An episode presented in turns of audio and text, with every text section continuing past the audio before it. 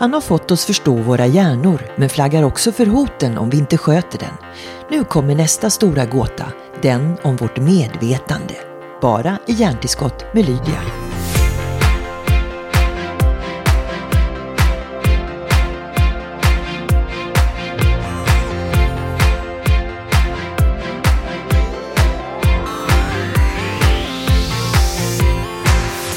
Anders Hansen, vad kul att du eh, är med i den här podcasten. Kul att vara med. Snart är du med i alla fall helt hållet. vad är den vanligaste frågan folk ställer till dig? Nu efter alla böcker och alla tv-program så har du ju faktiskt fostrat svenskarna i hjärnkunskap. Så vad är det som eh, poppar upp nu? Bra fråga. De flesta frågar hur mycket jag motionerar själv. Det är den frågan jag brukar få. Och, eh, och svaret på det är att jag lever som jag lär. Jag gör någon typ av motion nästan varje dag. Jag tävlar inte. Jag skulle aldrig drömma om att vara med i några långlopp. Ehm, jag spelar lite fotboll, även om jag har skurit ner. Och, jag, men, och så springer jag mest. Mm. Så det, det brukar folk fråga. Liksom. Varför har du skurit ner på fotboll? Det är för att jag är rädd för skador. Ja, det är bara det? Ja, det är bara det. Det är fantastiskt roligt, men jag är sådär, det, det, det är för farligt med korpfotboll i min ålder. Ja, det är till och med korpfotboll? Ja, absolut. absolut. För jag trodde du inte hade tid. Vilket är Nej, men jag ser till att ha, jag har ganska mycket tid numera. Jag jobbar lite mindre kliniskt och sen så, så jag har fått mer luft i schemat än tidigare. Jag vill ha det, för det blir bättre med böcker och skriva manus och sådana saker om man inte är så pressad har jag märkt. Det måste få smälta och sådär. Mycket idéer får man om man bara tänker på annat och läser om annat. Och sådär. Mm. Du har ju lyxen att kunna kanske styra om ditt liv på det sättet. Det låter som en dröm att få ägna sig åt det man passionerat är intresserad av också, förutom att man jobbar med det. Ja, jag känner mig verkligen privilegierad. Jag gör något jag tycker är roligt och som känns meningsfullt och som jag upplever att en del uppskattar i alla fall. Och, eh, det, så det, det, känns fantastiskt. Men min största drivkraft är nog nyfikenhet. Jag vill lära mig mer. Och det, eh, det är dels intellektuellt, genom att läsa en massa saker. Men också genom att träffa folk. Jag har förmånen genom jobbet att träffa några av världens smartaste personer skulle jag säga via tv-serier och annat. Och sen via patienter så träffar jag människor utan masker. De, jag ser dem... Ing, det finns ingen, man håller inte en fasad framför en psykiatriker. Man säger precis som det är. Och jag har verkligen insett vilket privilegium det är att få möta människor på det sättet. Um, och vilket ansvar det innebär. Att försöka göra maximalt för att hjälpa dem i den situation de är i. Mm. Men det här med att man inte har masker på sig när man träffar dig som psykiatriker, det låter ju väldigt intressant. Man har ändå, eller dina patienter har ju ändå tagit ett steg att vilja ha hjälp. Ja. Ja. Det är sant, men det känns... Sitter man... När, man, när jag träffar mina patienter så befinner de sig oftast på botten. Kanske av sitt liv. Um, och då, det är liksom inte... De plockar av maskerna. Jag kan, det, det bara är så. Jag, det upplever jag i alla fall. De säger precis som det är. Och det är en ynnest att få... Att de berättar sina innersta saker. Liksom. Mm. Och, man, och att få eh, använda de medel som vi har till buds inom medicinen och försöka hjälpa den här personen. Utan att behöva tänka på vilka pengar det kostar och vilken medicin ska jag välja. Utan jag kan bara försöka i alla fall göra maximalt vad vi kan. Eh, det känns, det är väldigt givande. Och det är därför jag fortsätter jobba som psykiatriker. Jag har mycket med böcker och program och massa annat som tar tid. Eh, men jag vill aldrig släppa medicinen. För det där att få se folk, träffa, möta folk utan, utan mask, det är väldigt värdefullt. Alltså. Jag tänkte precis fråga dig vad, vad det gör med dig som person att hela tiden möta människor som har det svårt. Men du har ju redan avslöjat att det, det också driver dig. Ja, det gör det. det. Man ser saker som man inte skulle se annars. Man får perspektiv på saker som är väldigt värdefullt. Sen har jag då ynnesten att göra annat samtidigt. Så att jag jobbar inte heltid på det. Och det, för mig är det viktigt. För jag vill inte bli eh, avskärmad på det sättet. Så jag vill kunna försöka ge max varje gång. Och det, det är rätt påfrestande faktiskt. Eh, och, så därför är det lagom att jobba deltid som psykiatriker. Så det här upplägget jag har nu är bra, måste jag säga. Mm. Om man googlar på ordet psykiatriker så är det ju en mm. läkare som naturligtvis då har specialiserat sig mm. på det här. Men eh, är, är det någonting som eh, du skulle kunna vidareutveckla? Har du fått smak på någonting? Du har ju stannat, eh, eller stannat och stannat, mm. du cirkulerar nu kring hjärnan och, och det fysiska i kombination med det psykiska. Vad är nästa steg? Professionellt mm, menar du? Mm. Nej, jag har alltid varit intresserad av mänsklig natur och jag har alltid varit intresserad av biologi och evolutionen och alltid tyckt att den största the greatest story never told är att vi fortfarande är oförändrade de sista 10 000 åren. De människor som lever, som har hela vår nedtecknade historia och minst lika lång tid, har, har utspelats av människor som var som oss. Det är, det är svårt att greppa Det är svårt faktiskt. att greppa det, mm. exakt. Och vi har förändrat våra samhällen enormt, men vi är fortfarande samma gamla sapiens.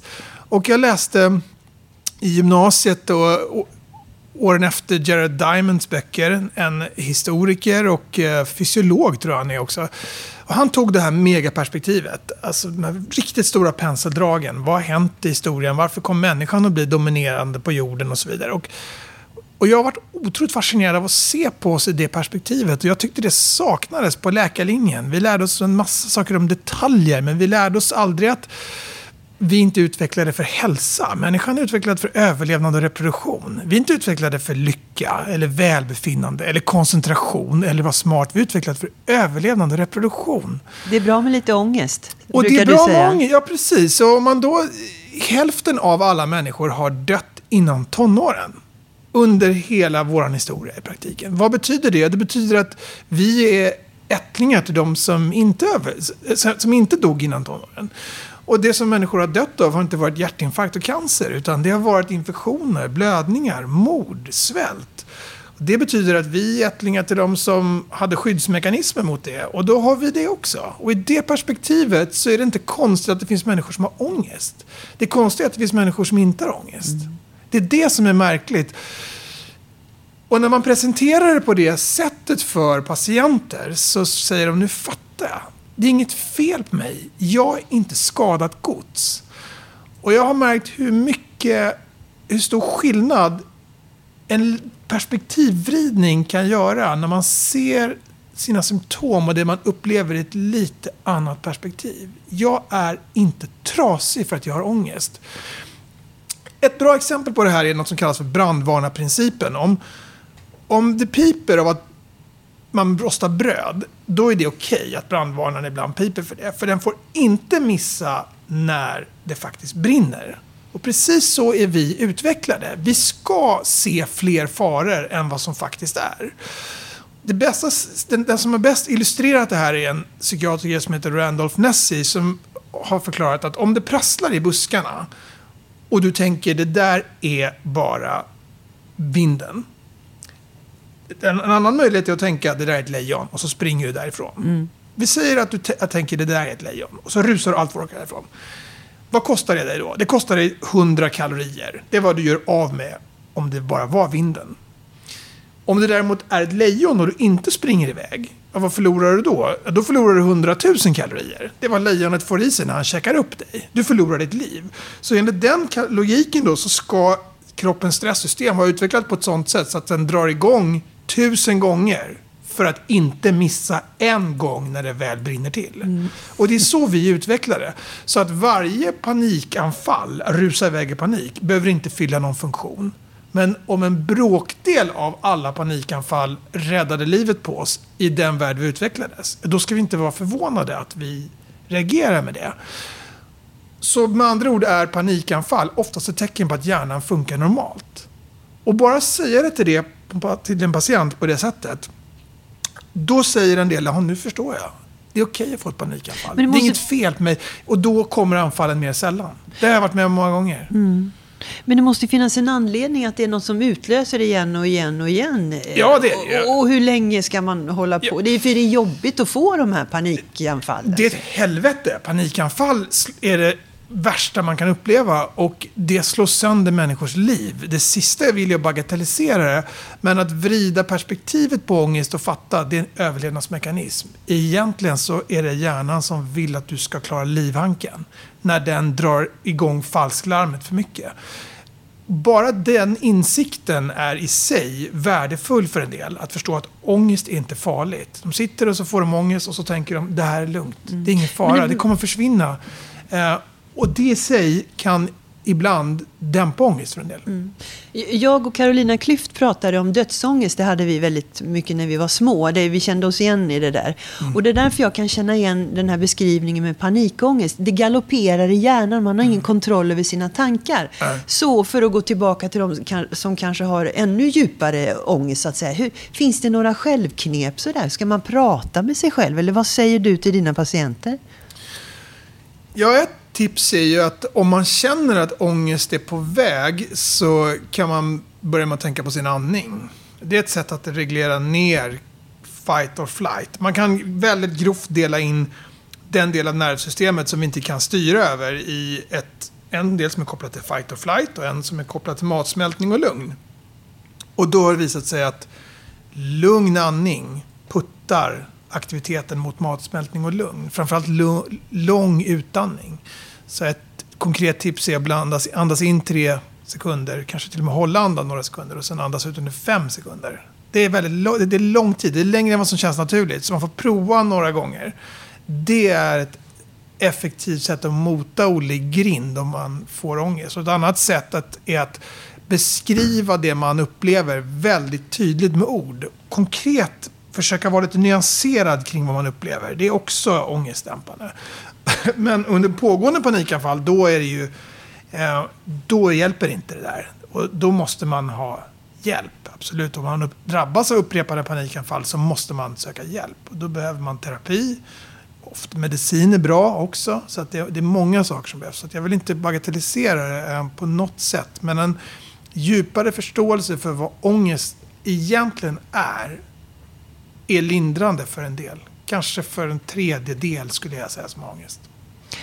Varför ökar antalet deprimerade människor så eh, mycket? Och eh, skulle du säga att mediciner är bättre ibland än något annat? Idag är det var åttonde vuxen svensk som får antidepressiva. Var sjätte vuxen kvinna. Och... Eh, det har ökat enormt. Betyder det att vi mår sämre? Det kan man faktiskt inte säga. Det är jättesvårt att mäta sånt över tid. För att vi inte har mätt det tidigare, eller vad är anledningen? Där, ja, därför att sådana mätningar går ut... Att fler söker hjälp och får medicin, det skulle kunna bero på att stigmat har minskat. Man vågar söka hjälp, eller att läkare skriver ut mer medicin nu. När man jämför mående över olika tidsperioder så bygger det ofta på att man frågar, mår du ofta dåligt? Och då kommer må då kommer svaret spegla vad må dåligt betyder just det året. Det är en sak att må dåligt 2022. Det var en helt annan sak på 80-talet. Då var psykiatri något man kopplade till vadderade rum. Liksom. Så att jag tror att det, det, det, är svårt att mäta sånt här över tid. Gudskelov så har antalet självmord i Sverige sjunkit sedan 90-talet med ungefär 30 procent. Så där har det gått åt rätt håll.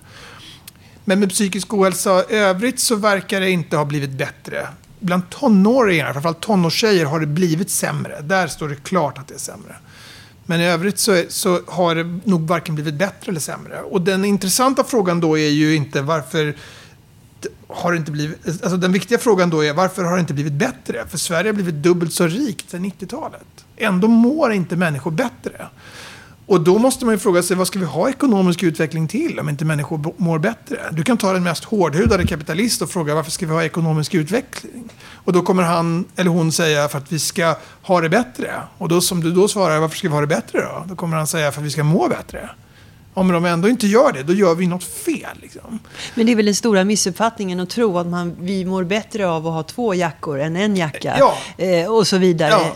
Men, men, men, varför kan man inte komma ur den missuppfattningen? För den är ju väldigt logisk att det är just en missuppfattning. Vi mår ju inte, mår inte bra av stora villor och, och Nej, feta bilar. Det, därför att vi har aldrig kunnat få för mycket resurser. Det är så enkelt det är. Det är system i hjärnan som styr vår driv och vår motivation, dopaminsystemet, det utvecklades under miljontals år under ständigt hot om svält. Det gick aldrig att få för mycket mat. Det gick aldrig att få för mycket resurser. Och därför sattes det aldrig någon mållinje för våra önskningar.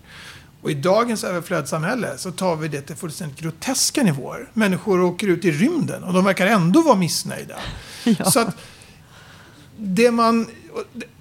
Det, det, det är svårt att uh, hantera den här kunskapen därför att det ska vara svårt. Man ska inte kunna finta bort ångest med enkla floskler som att välj glädje. Därför då hade ångest inte funkat. Hade det varit så enkelt att lura, då hade det aldrig funnits från början. Vårat sug efter mera materiellt välstånd, det är oändligt. Därför att det ska vara det. Eh, därför att vi är utvecklade för det. Sen så är man ju ändå inte slav under det. Så att första steget är att förstå att vi är ständigt missnöjda. Vi kommer aldrig att få nog. Liksom. Det kommer aldrig bli tillräckligt. Jag kan skaffa den ena efter den andra bilen eller huset eller vad det är. Och det kommer vara toppen ett tag och sen klingar det av. Och det här har folk, kloka personer, förstått för flera tusen år sedan. Eh, och insett vad man ska hantera sånt här. Och jag brukar säga det, om jag pratar om Seneca eller Marcus Aurelius eller några av stoikerna så rycker folk på axlarna. Men om man pratar om dopaminsystemet eller pannloberna, då blir människor intresserade. Mm. Så det är nog egentligen, allt handlar om att berätta historien på ett nytt sätt. Och i vår tid så berättar vi historien med vetenskap. Vad händer med de här beskrivningarna om goda och onda människor då? Att man eh, ledare i världen som eh, agerar på ett sätt som vi inte kan hitta någon logik i. Ingen nämnd och ingen glömd, för det är väl ändå mm. massa ledare det passar in i. Finns det någonting i hjärnan som även eh, får oss att förändras? Eh, finns det goda och onda hjärnor helt enkelt? Jättebra fråga. Det finns nog definitivt onda hjärnor. Psykopati, alltså oförmåga att känna andra människors lidande, det har kring en procent. Psykopati är inte svart eller vitt, det är inte så att man antingen har eller inte har, men en procent har så grava problem med det att man kan diagnostisera det.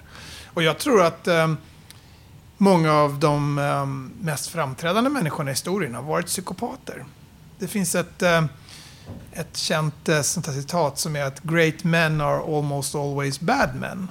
Och det är nog så. Det är, det är, världen, det är sådana personer som har pressat sig fram och helt utan, med likgiltighet inför andras lidande, eh, bestämt saker. Liksom. Mm. Och det ser vi fortfarande.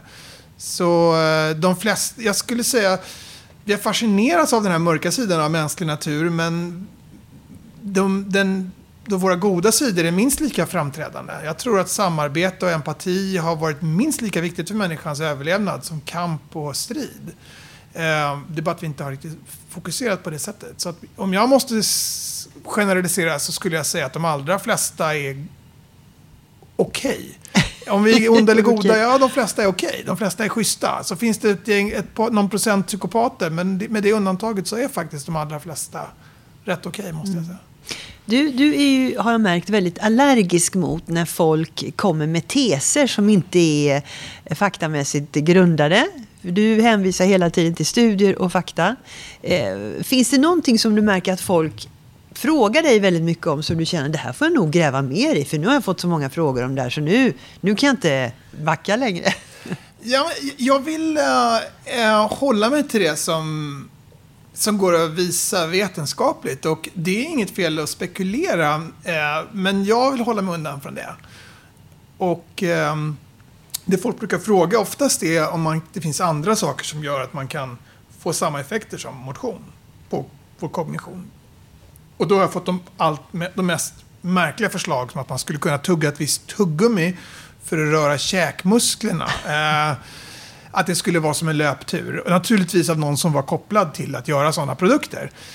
Och eh, någon har frågat om man inte kan ha på sig VR-glasögon som visar en väg som passerar. Och att man då skulle få samma sensoriska intryck som om man springer och sådär. Sådana frågor får jag ofta. Det är roliga idéer ändå. Ja, eh, exakt. Och, men oftast kopplat till de som, um, som har produkter som de vill försöka binda till det här. Och uh, svaret är oftast att jag det inte går att säga säkert, men att jag absolut inte tror det. Jag, mm. tror, Jag tror att det här är ett uttryck för att vi människor är lata av naturen. Vi vill gärna vara i vila och vi önskar att det fanns någonting som gjorde att vi kunde få de här positiva effekterna på hjärnan som man får av motion av, av något annat. Liksom. Mm. Eh, det populäraste ordet just nu i samband med när man säger Anders Hansen, det är hippocampus. Är det så? Ja. hippocampus vet ja. alla vad det är när man ja. har pratat med dig ett tag. Eh, och, och, och, hippocampus är ju, du får själv förklara vad det är, men det intressanta är ju att man kan påverka mycket mer eh, det som händer i hjärnan än vad vi faktiskt förstår. Ja. Vad är hippocampus? Hippocampus är en struktur i hjärnan som är stor som tummen ungefär. Som man har två av, en i varje hjärnhalva. Och den är viktig för många saker. Eh, den, men framförallt så är den viktig för minnet. Den, den flyttar, den, den skapar långtidsminnen. Eh, minnen lagras inte i hippocampus. Den, stoppar, den delar upp minnena i fragment och stoppar upp dem på olika platser och sen så för de ihop dem där när vi tänker på minnen igen. Mm. Så hippocampus, det enkla sättet att beskriva det som minnescentrum, men har mer funktioner. Mm. Och där kan man påverka med hjälp av motion som du, har tid, som du pratar ofta om? Ja, precis. Och hippocampus då krymper när man blir äldre. Från någonstans 25-30 så börjar den krympa med, och det gör den med 1% per år. Och det har man alltid trott varit oåterkalleligt. Det är en del av åldrandet som man bara får köpa. Och det, mot den bakgrunden så visades för några år sedan att motion inte bara bromsar den här krympningen utan vänder krympningen. Mm. När människor är fysiskt aktiva, i det här fallet går 40 minuter per gång tre gånger i veckan, och då växer hippocampus till. Den blir större. Den blir storleksmässigt yngre. Det visar sig att barn som rör på sig mycket har en större hippocampus. Gamla människor, 80-90-åringar som rör på sig mycket har en större hippocampus. Så det, därigenom då har man kunnat se att fysisk aktivitet bromsar hjärnans åldrande. Jag fick lära mig så sent som på 90-talet när jag gick gymnasiet att det föds inga nya celler i hjärnan. De man har, har när man föds, de får man nöja sig med. Det föds inga nya. Det visar sig vara fel. Det föds visst celler i hjärnan och det föds framförallt celler i hippocampus. Och den cellbildningen den påskyndas av motion. Den spidas upp av det. Eh, det är också viktigt att få nya intryck för de här nya cellerna. Det verkar som att fysisk aktivitet gör att det bildas fler nya celler medan nya intryck gör att fler nya celler överlever. Så att lära sig ett språk, besöka nya platser, odla nya kulturella intressen eller sociala bekantskaper och så vidare, sånt som är nytt det är också viktigt för hjärnans åldrande. Mm. Det tillsammans med motion är, eh, är något som är, är, är ska jag säga, avgörande för hjärnhälsan när vi blir äldre. Mm. Varför ökar demenssjukdomar så mycket tror du? Då? Därför att vi blir äldre.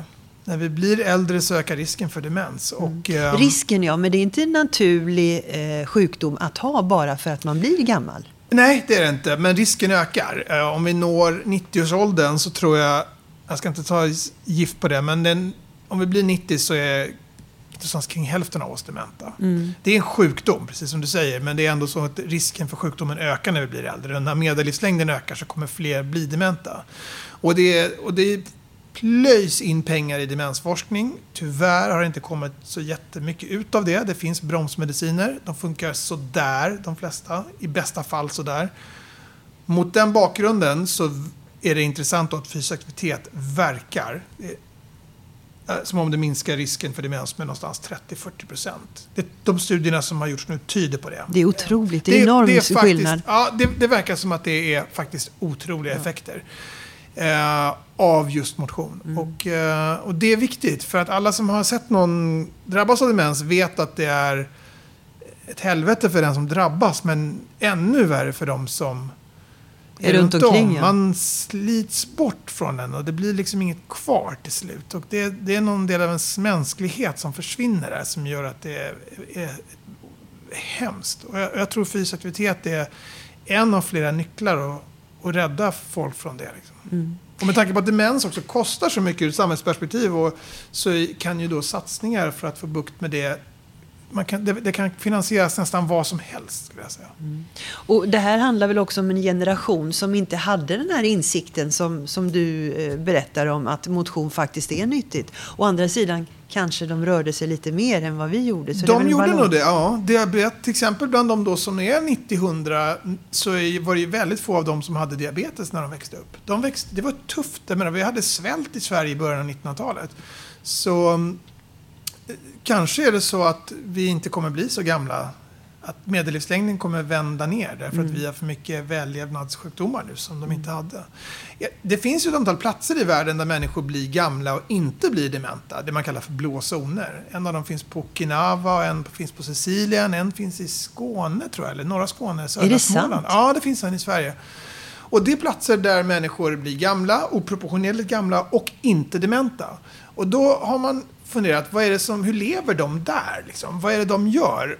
Och några saker är gemensamma på de här platserna. Och det en är att det är små orter, det är inte storstäder. Folk lever över generationsgränserna, så det, de är inte särskilt ensamma. Mm. De, är, de är fysiskt aktiva, men mest vardagsmotion. Det är inga långlopp eller något sånt där. Och så tycks de ha hyfsad kalorirestriktion. Det är absolut ingen svält, men de, de är rätt försiktiga med hur mycket de äter. Mm. Vilken av de här faktorerna är viktigast? Är det ingen som vet. Det som är intressant är att de här platserna är oftast eh, områden där utbildningsgraden är ganska låg och utbildning skyddar mot demens. Och ändå så är, är förekomsten av demens väldigt låg. Så eh, de, är, de här platserna är intressanta. Ju mer man vet, desto mer inser man hur lite man vet ja, när exakt. du pratar. Så är det. Så är det. Och, eh, men det är också så, tycker jag, vad gäller all den här kunskapen. Jag pratade med Rangan om det innan den här föreläsningen. att vi kan ta fram hur mycket kunskap som helst, men om den är fast på ett sjukhus eller på ett universitet och inte kommer ut till människor, ja då är den ju värdelös. Mm. Då spelar det, där... ingen roll. Det här är inget akademiskt spel där folk ska sitta och slå forskningsrapporter i huvudet på varandra och försöka visa sig att de kan mest.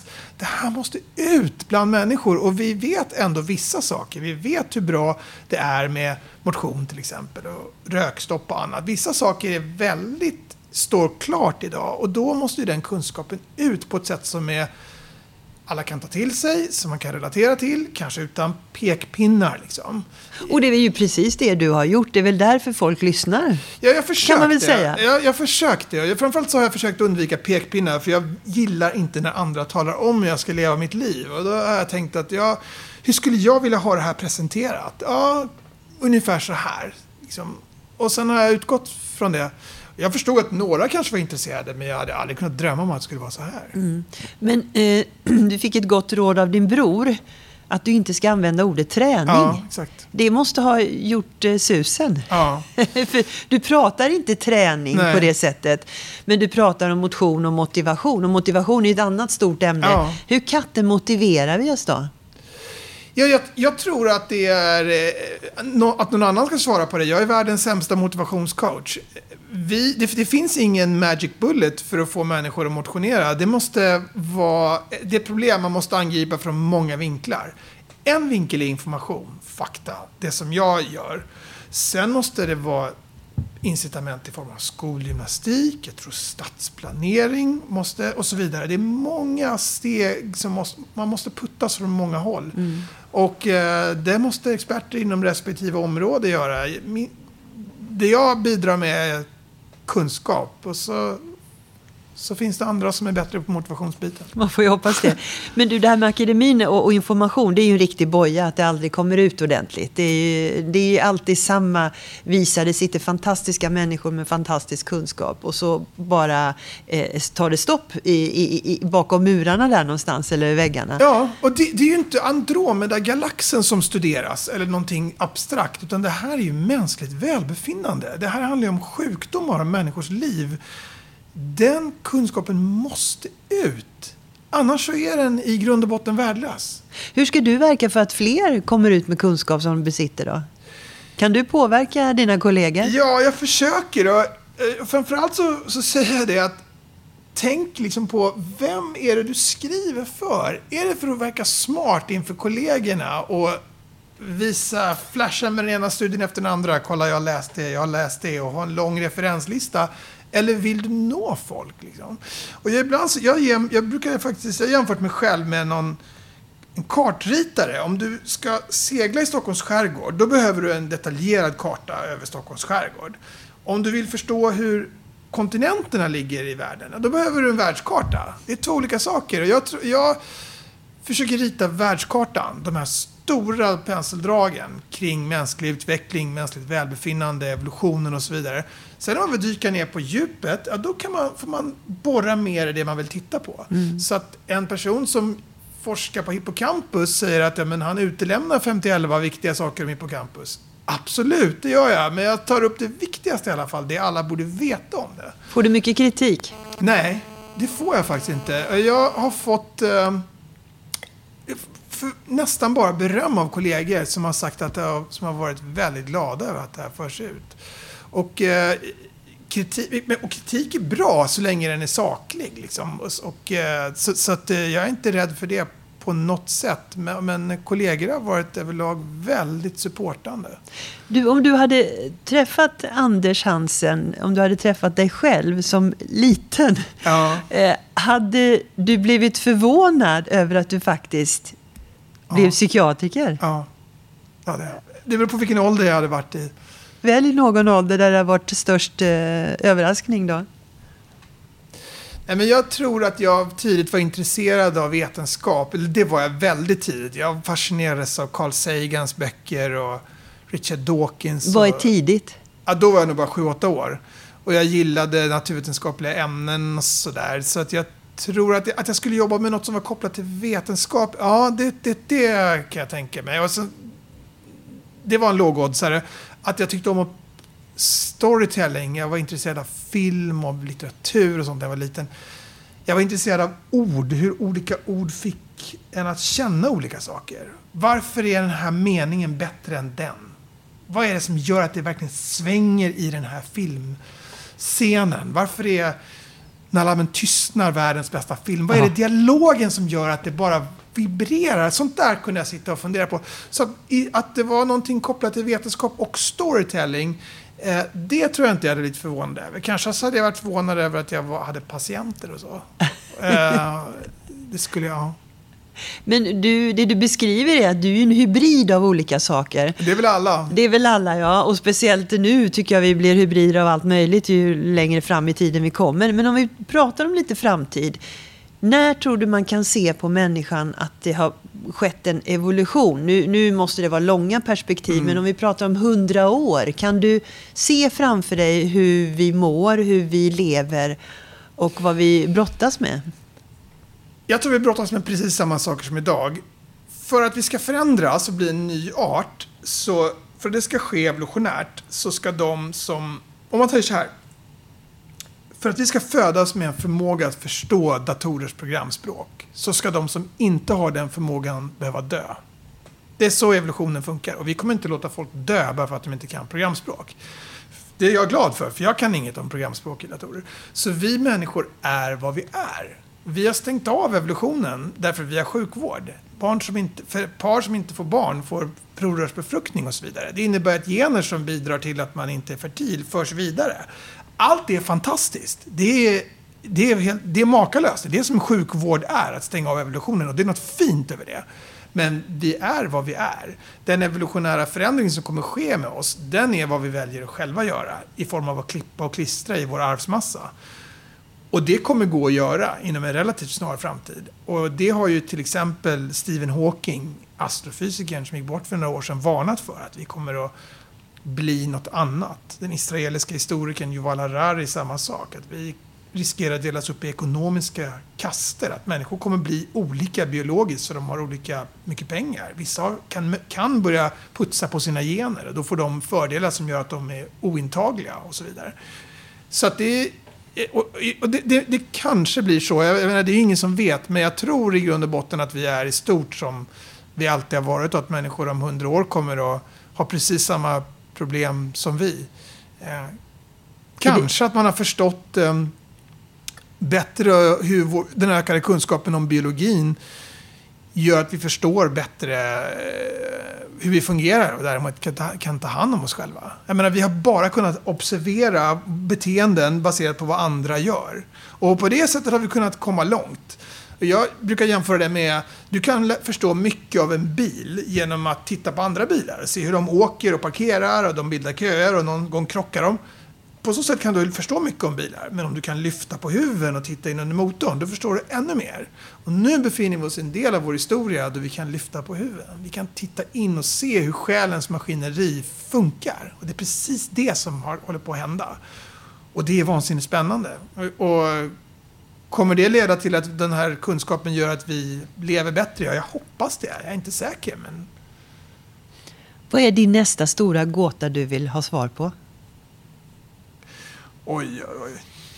Du har säkert ja, någon i bakfickan. Jag, jag, hoppas under min livstid att få svaret på hur, vi, hur medvetandet uppstår i kroppen och hjärnan. Hur kan materia bli medveten? Jag gjorde en, en scanning, en röntgenundersökning av min egen hjärna i Linköping nyligen. En väldigt avancerad undersökning där man mätte bland annat amygdalas storlek och sådär.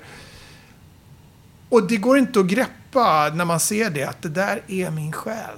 Allt jag har upplevt sitter där. Alla gånger jag har blivit orolig, det är därifrån det kom. Från de där strukturerna. Det var där det började.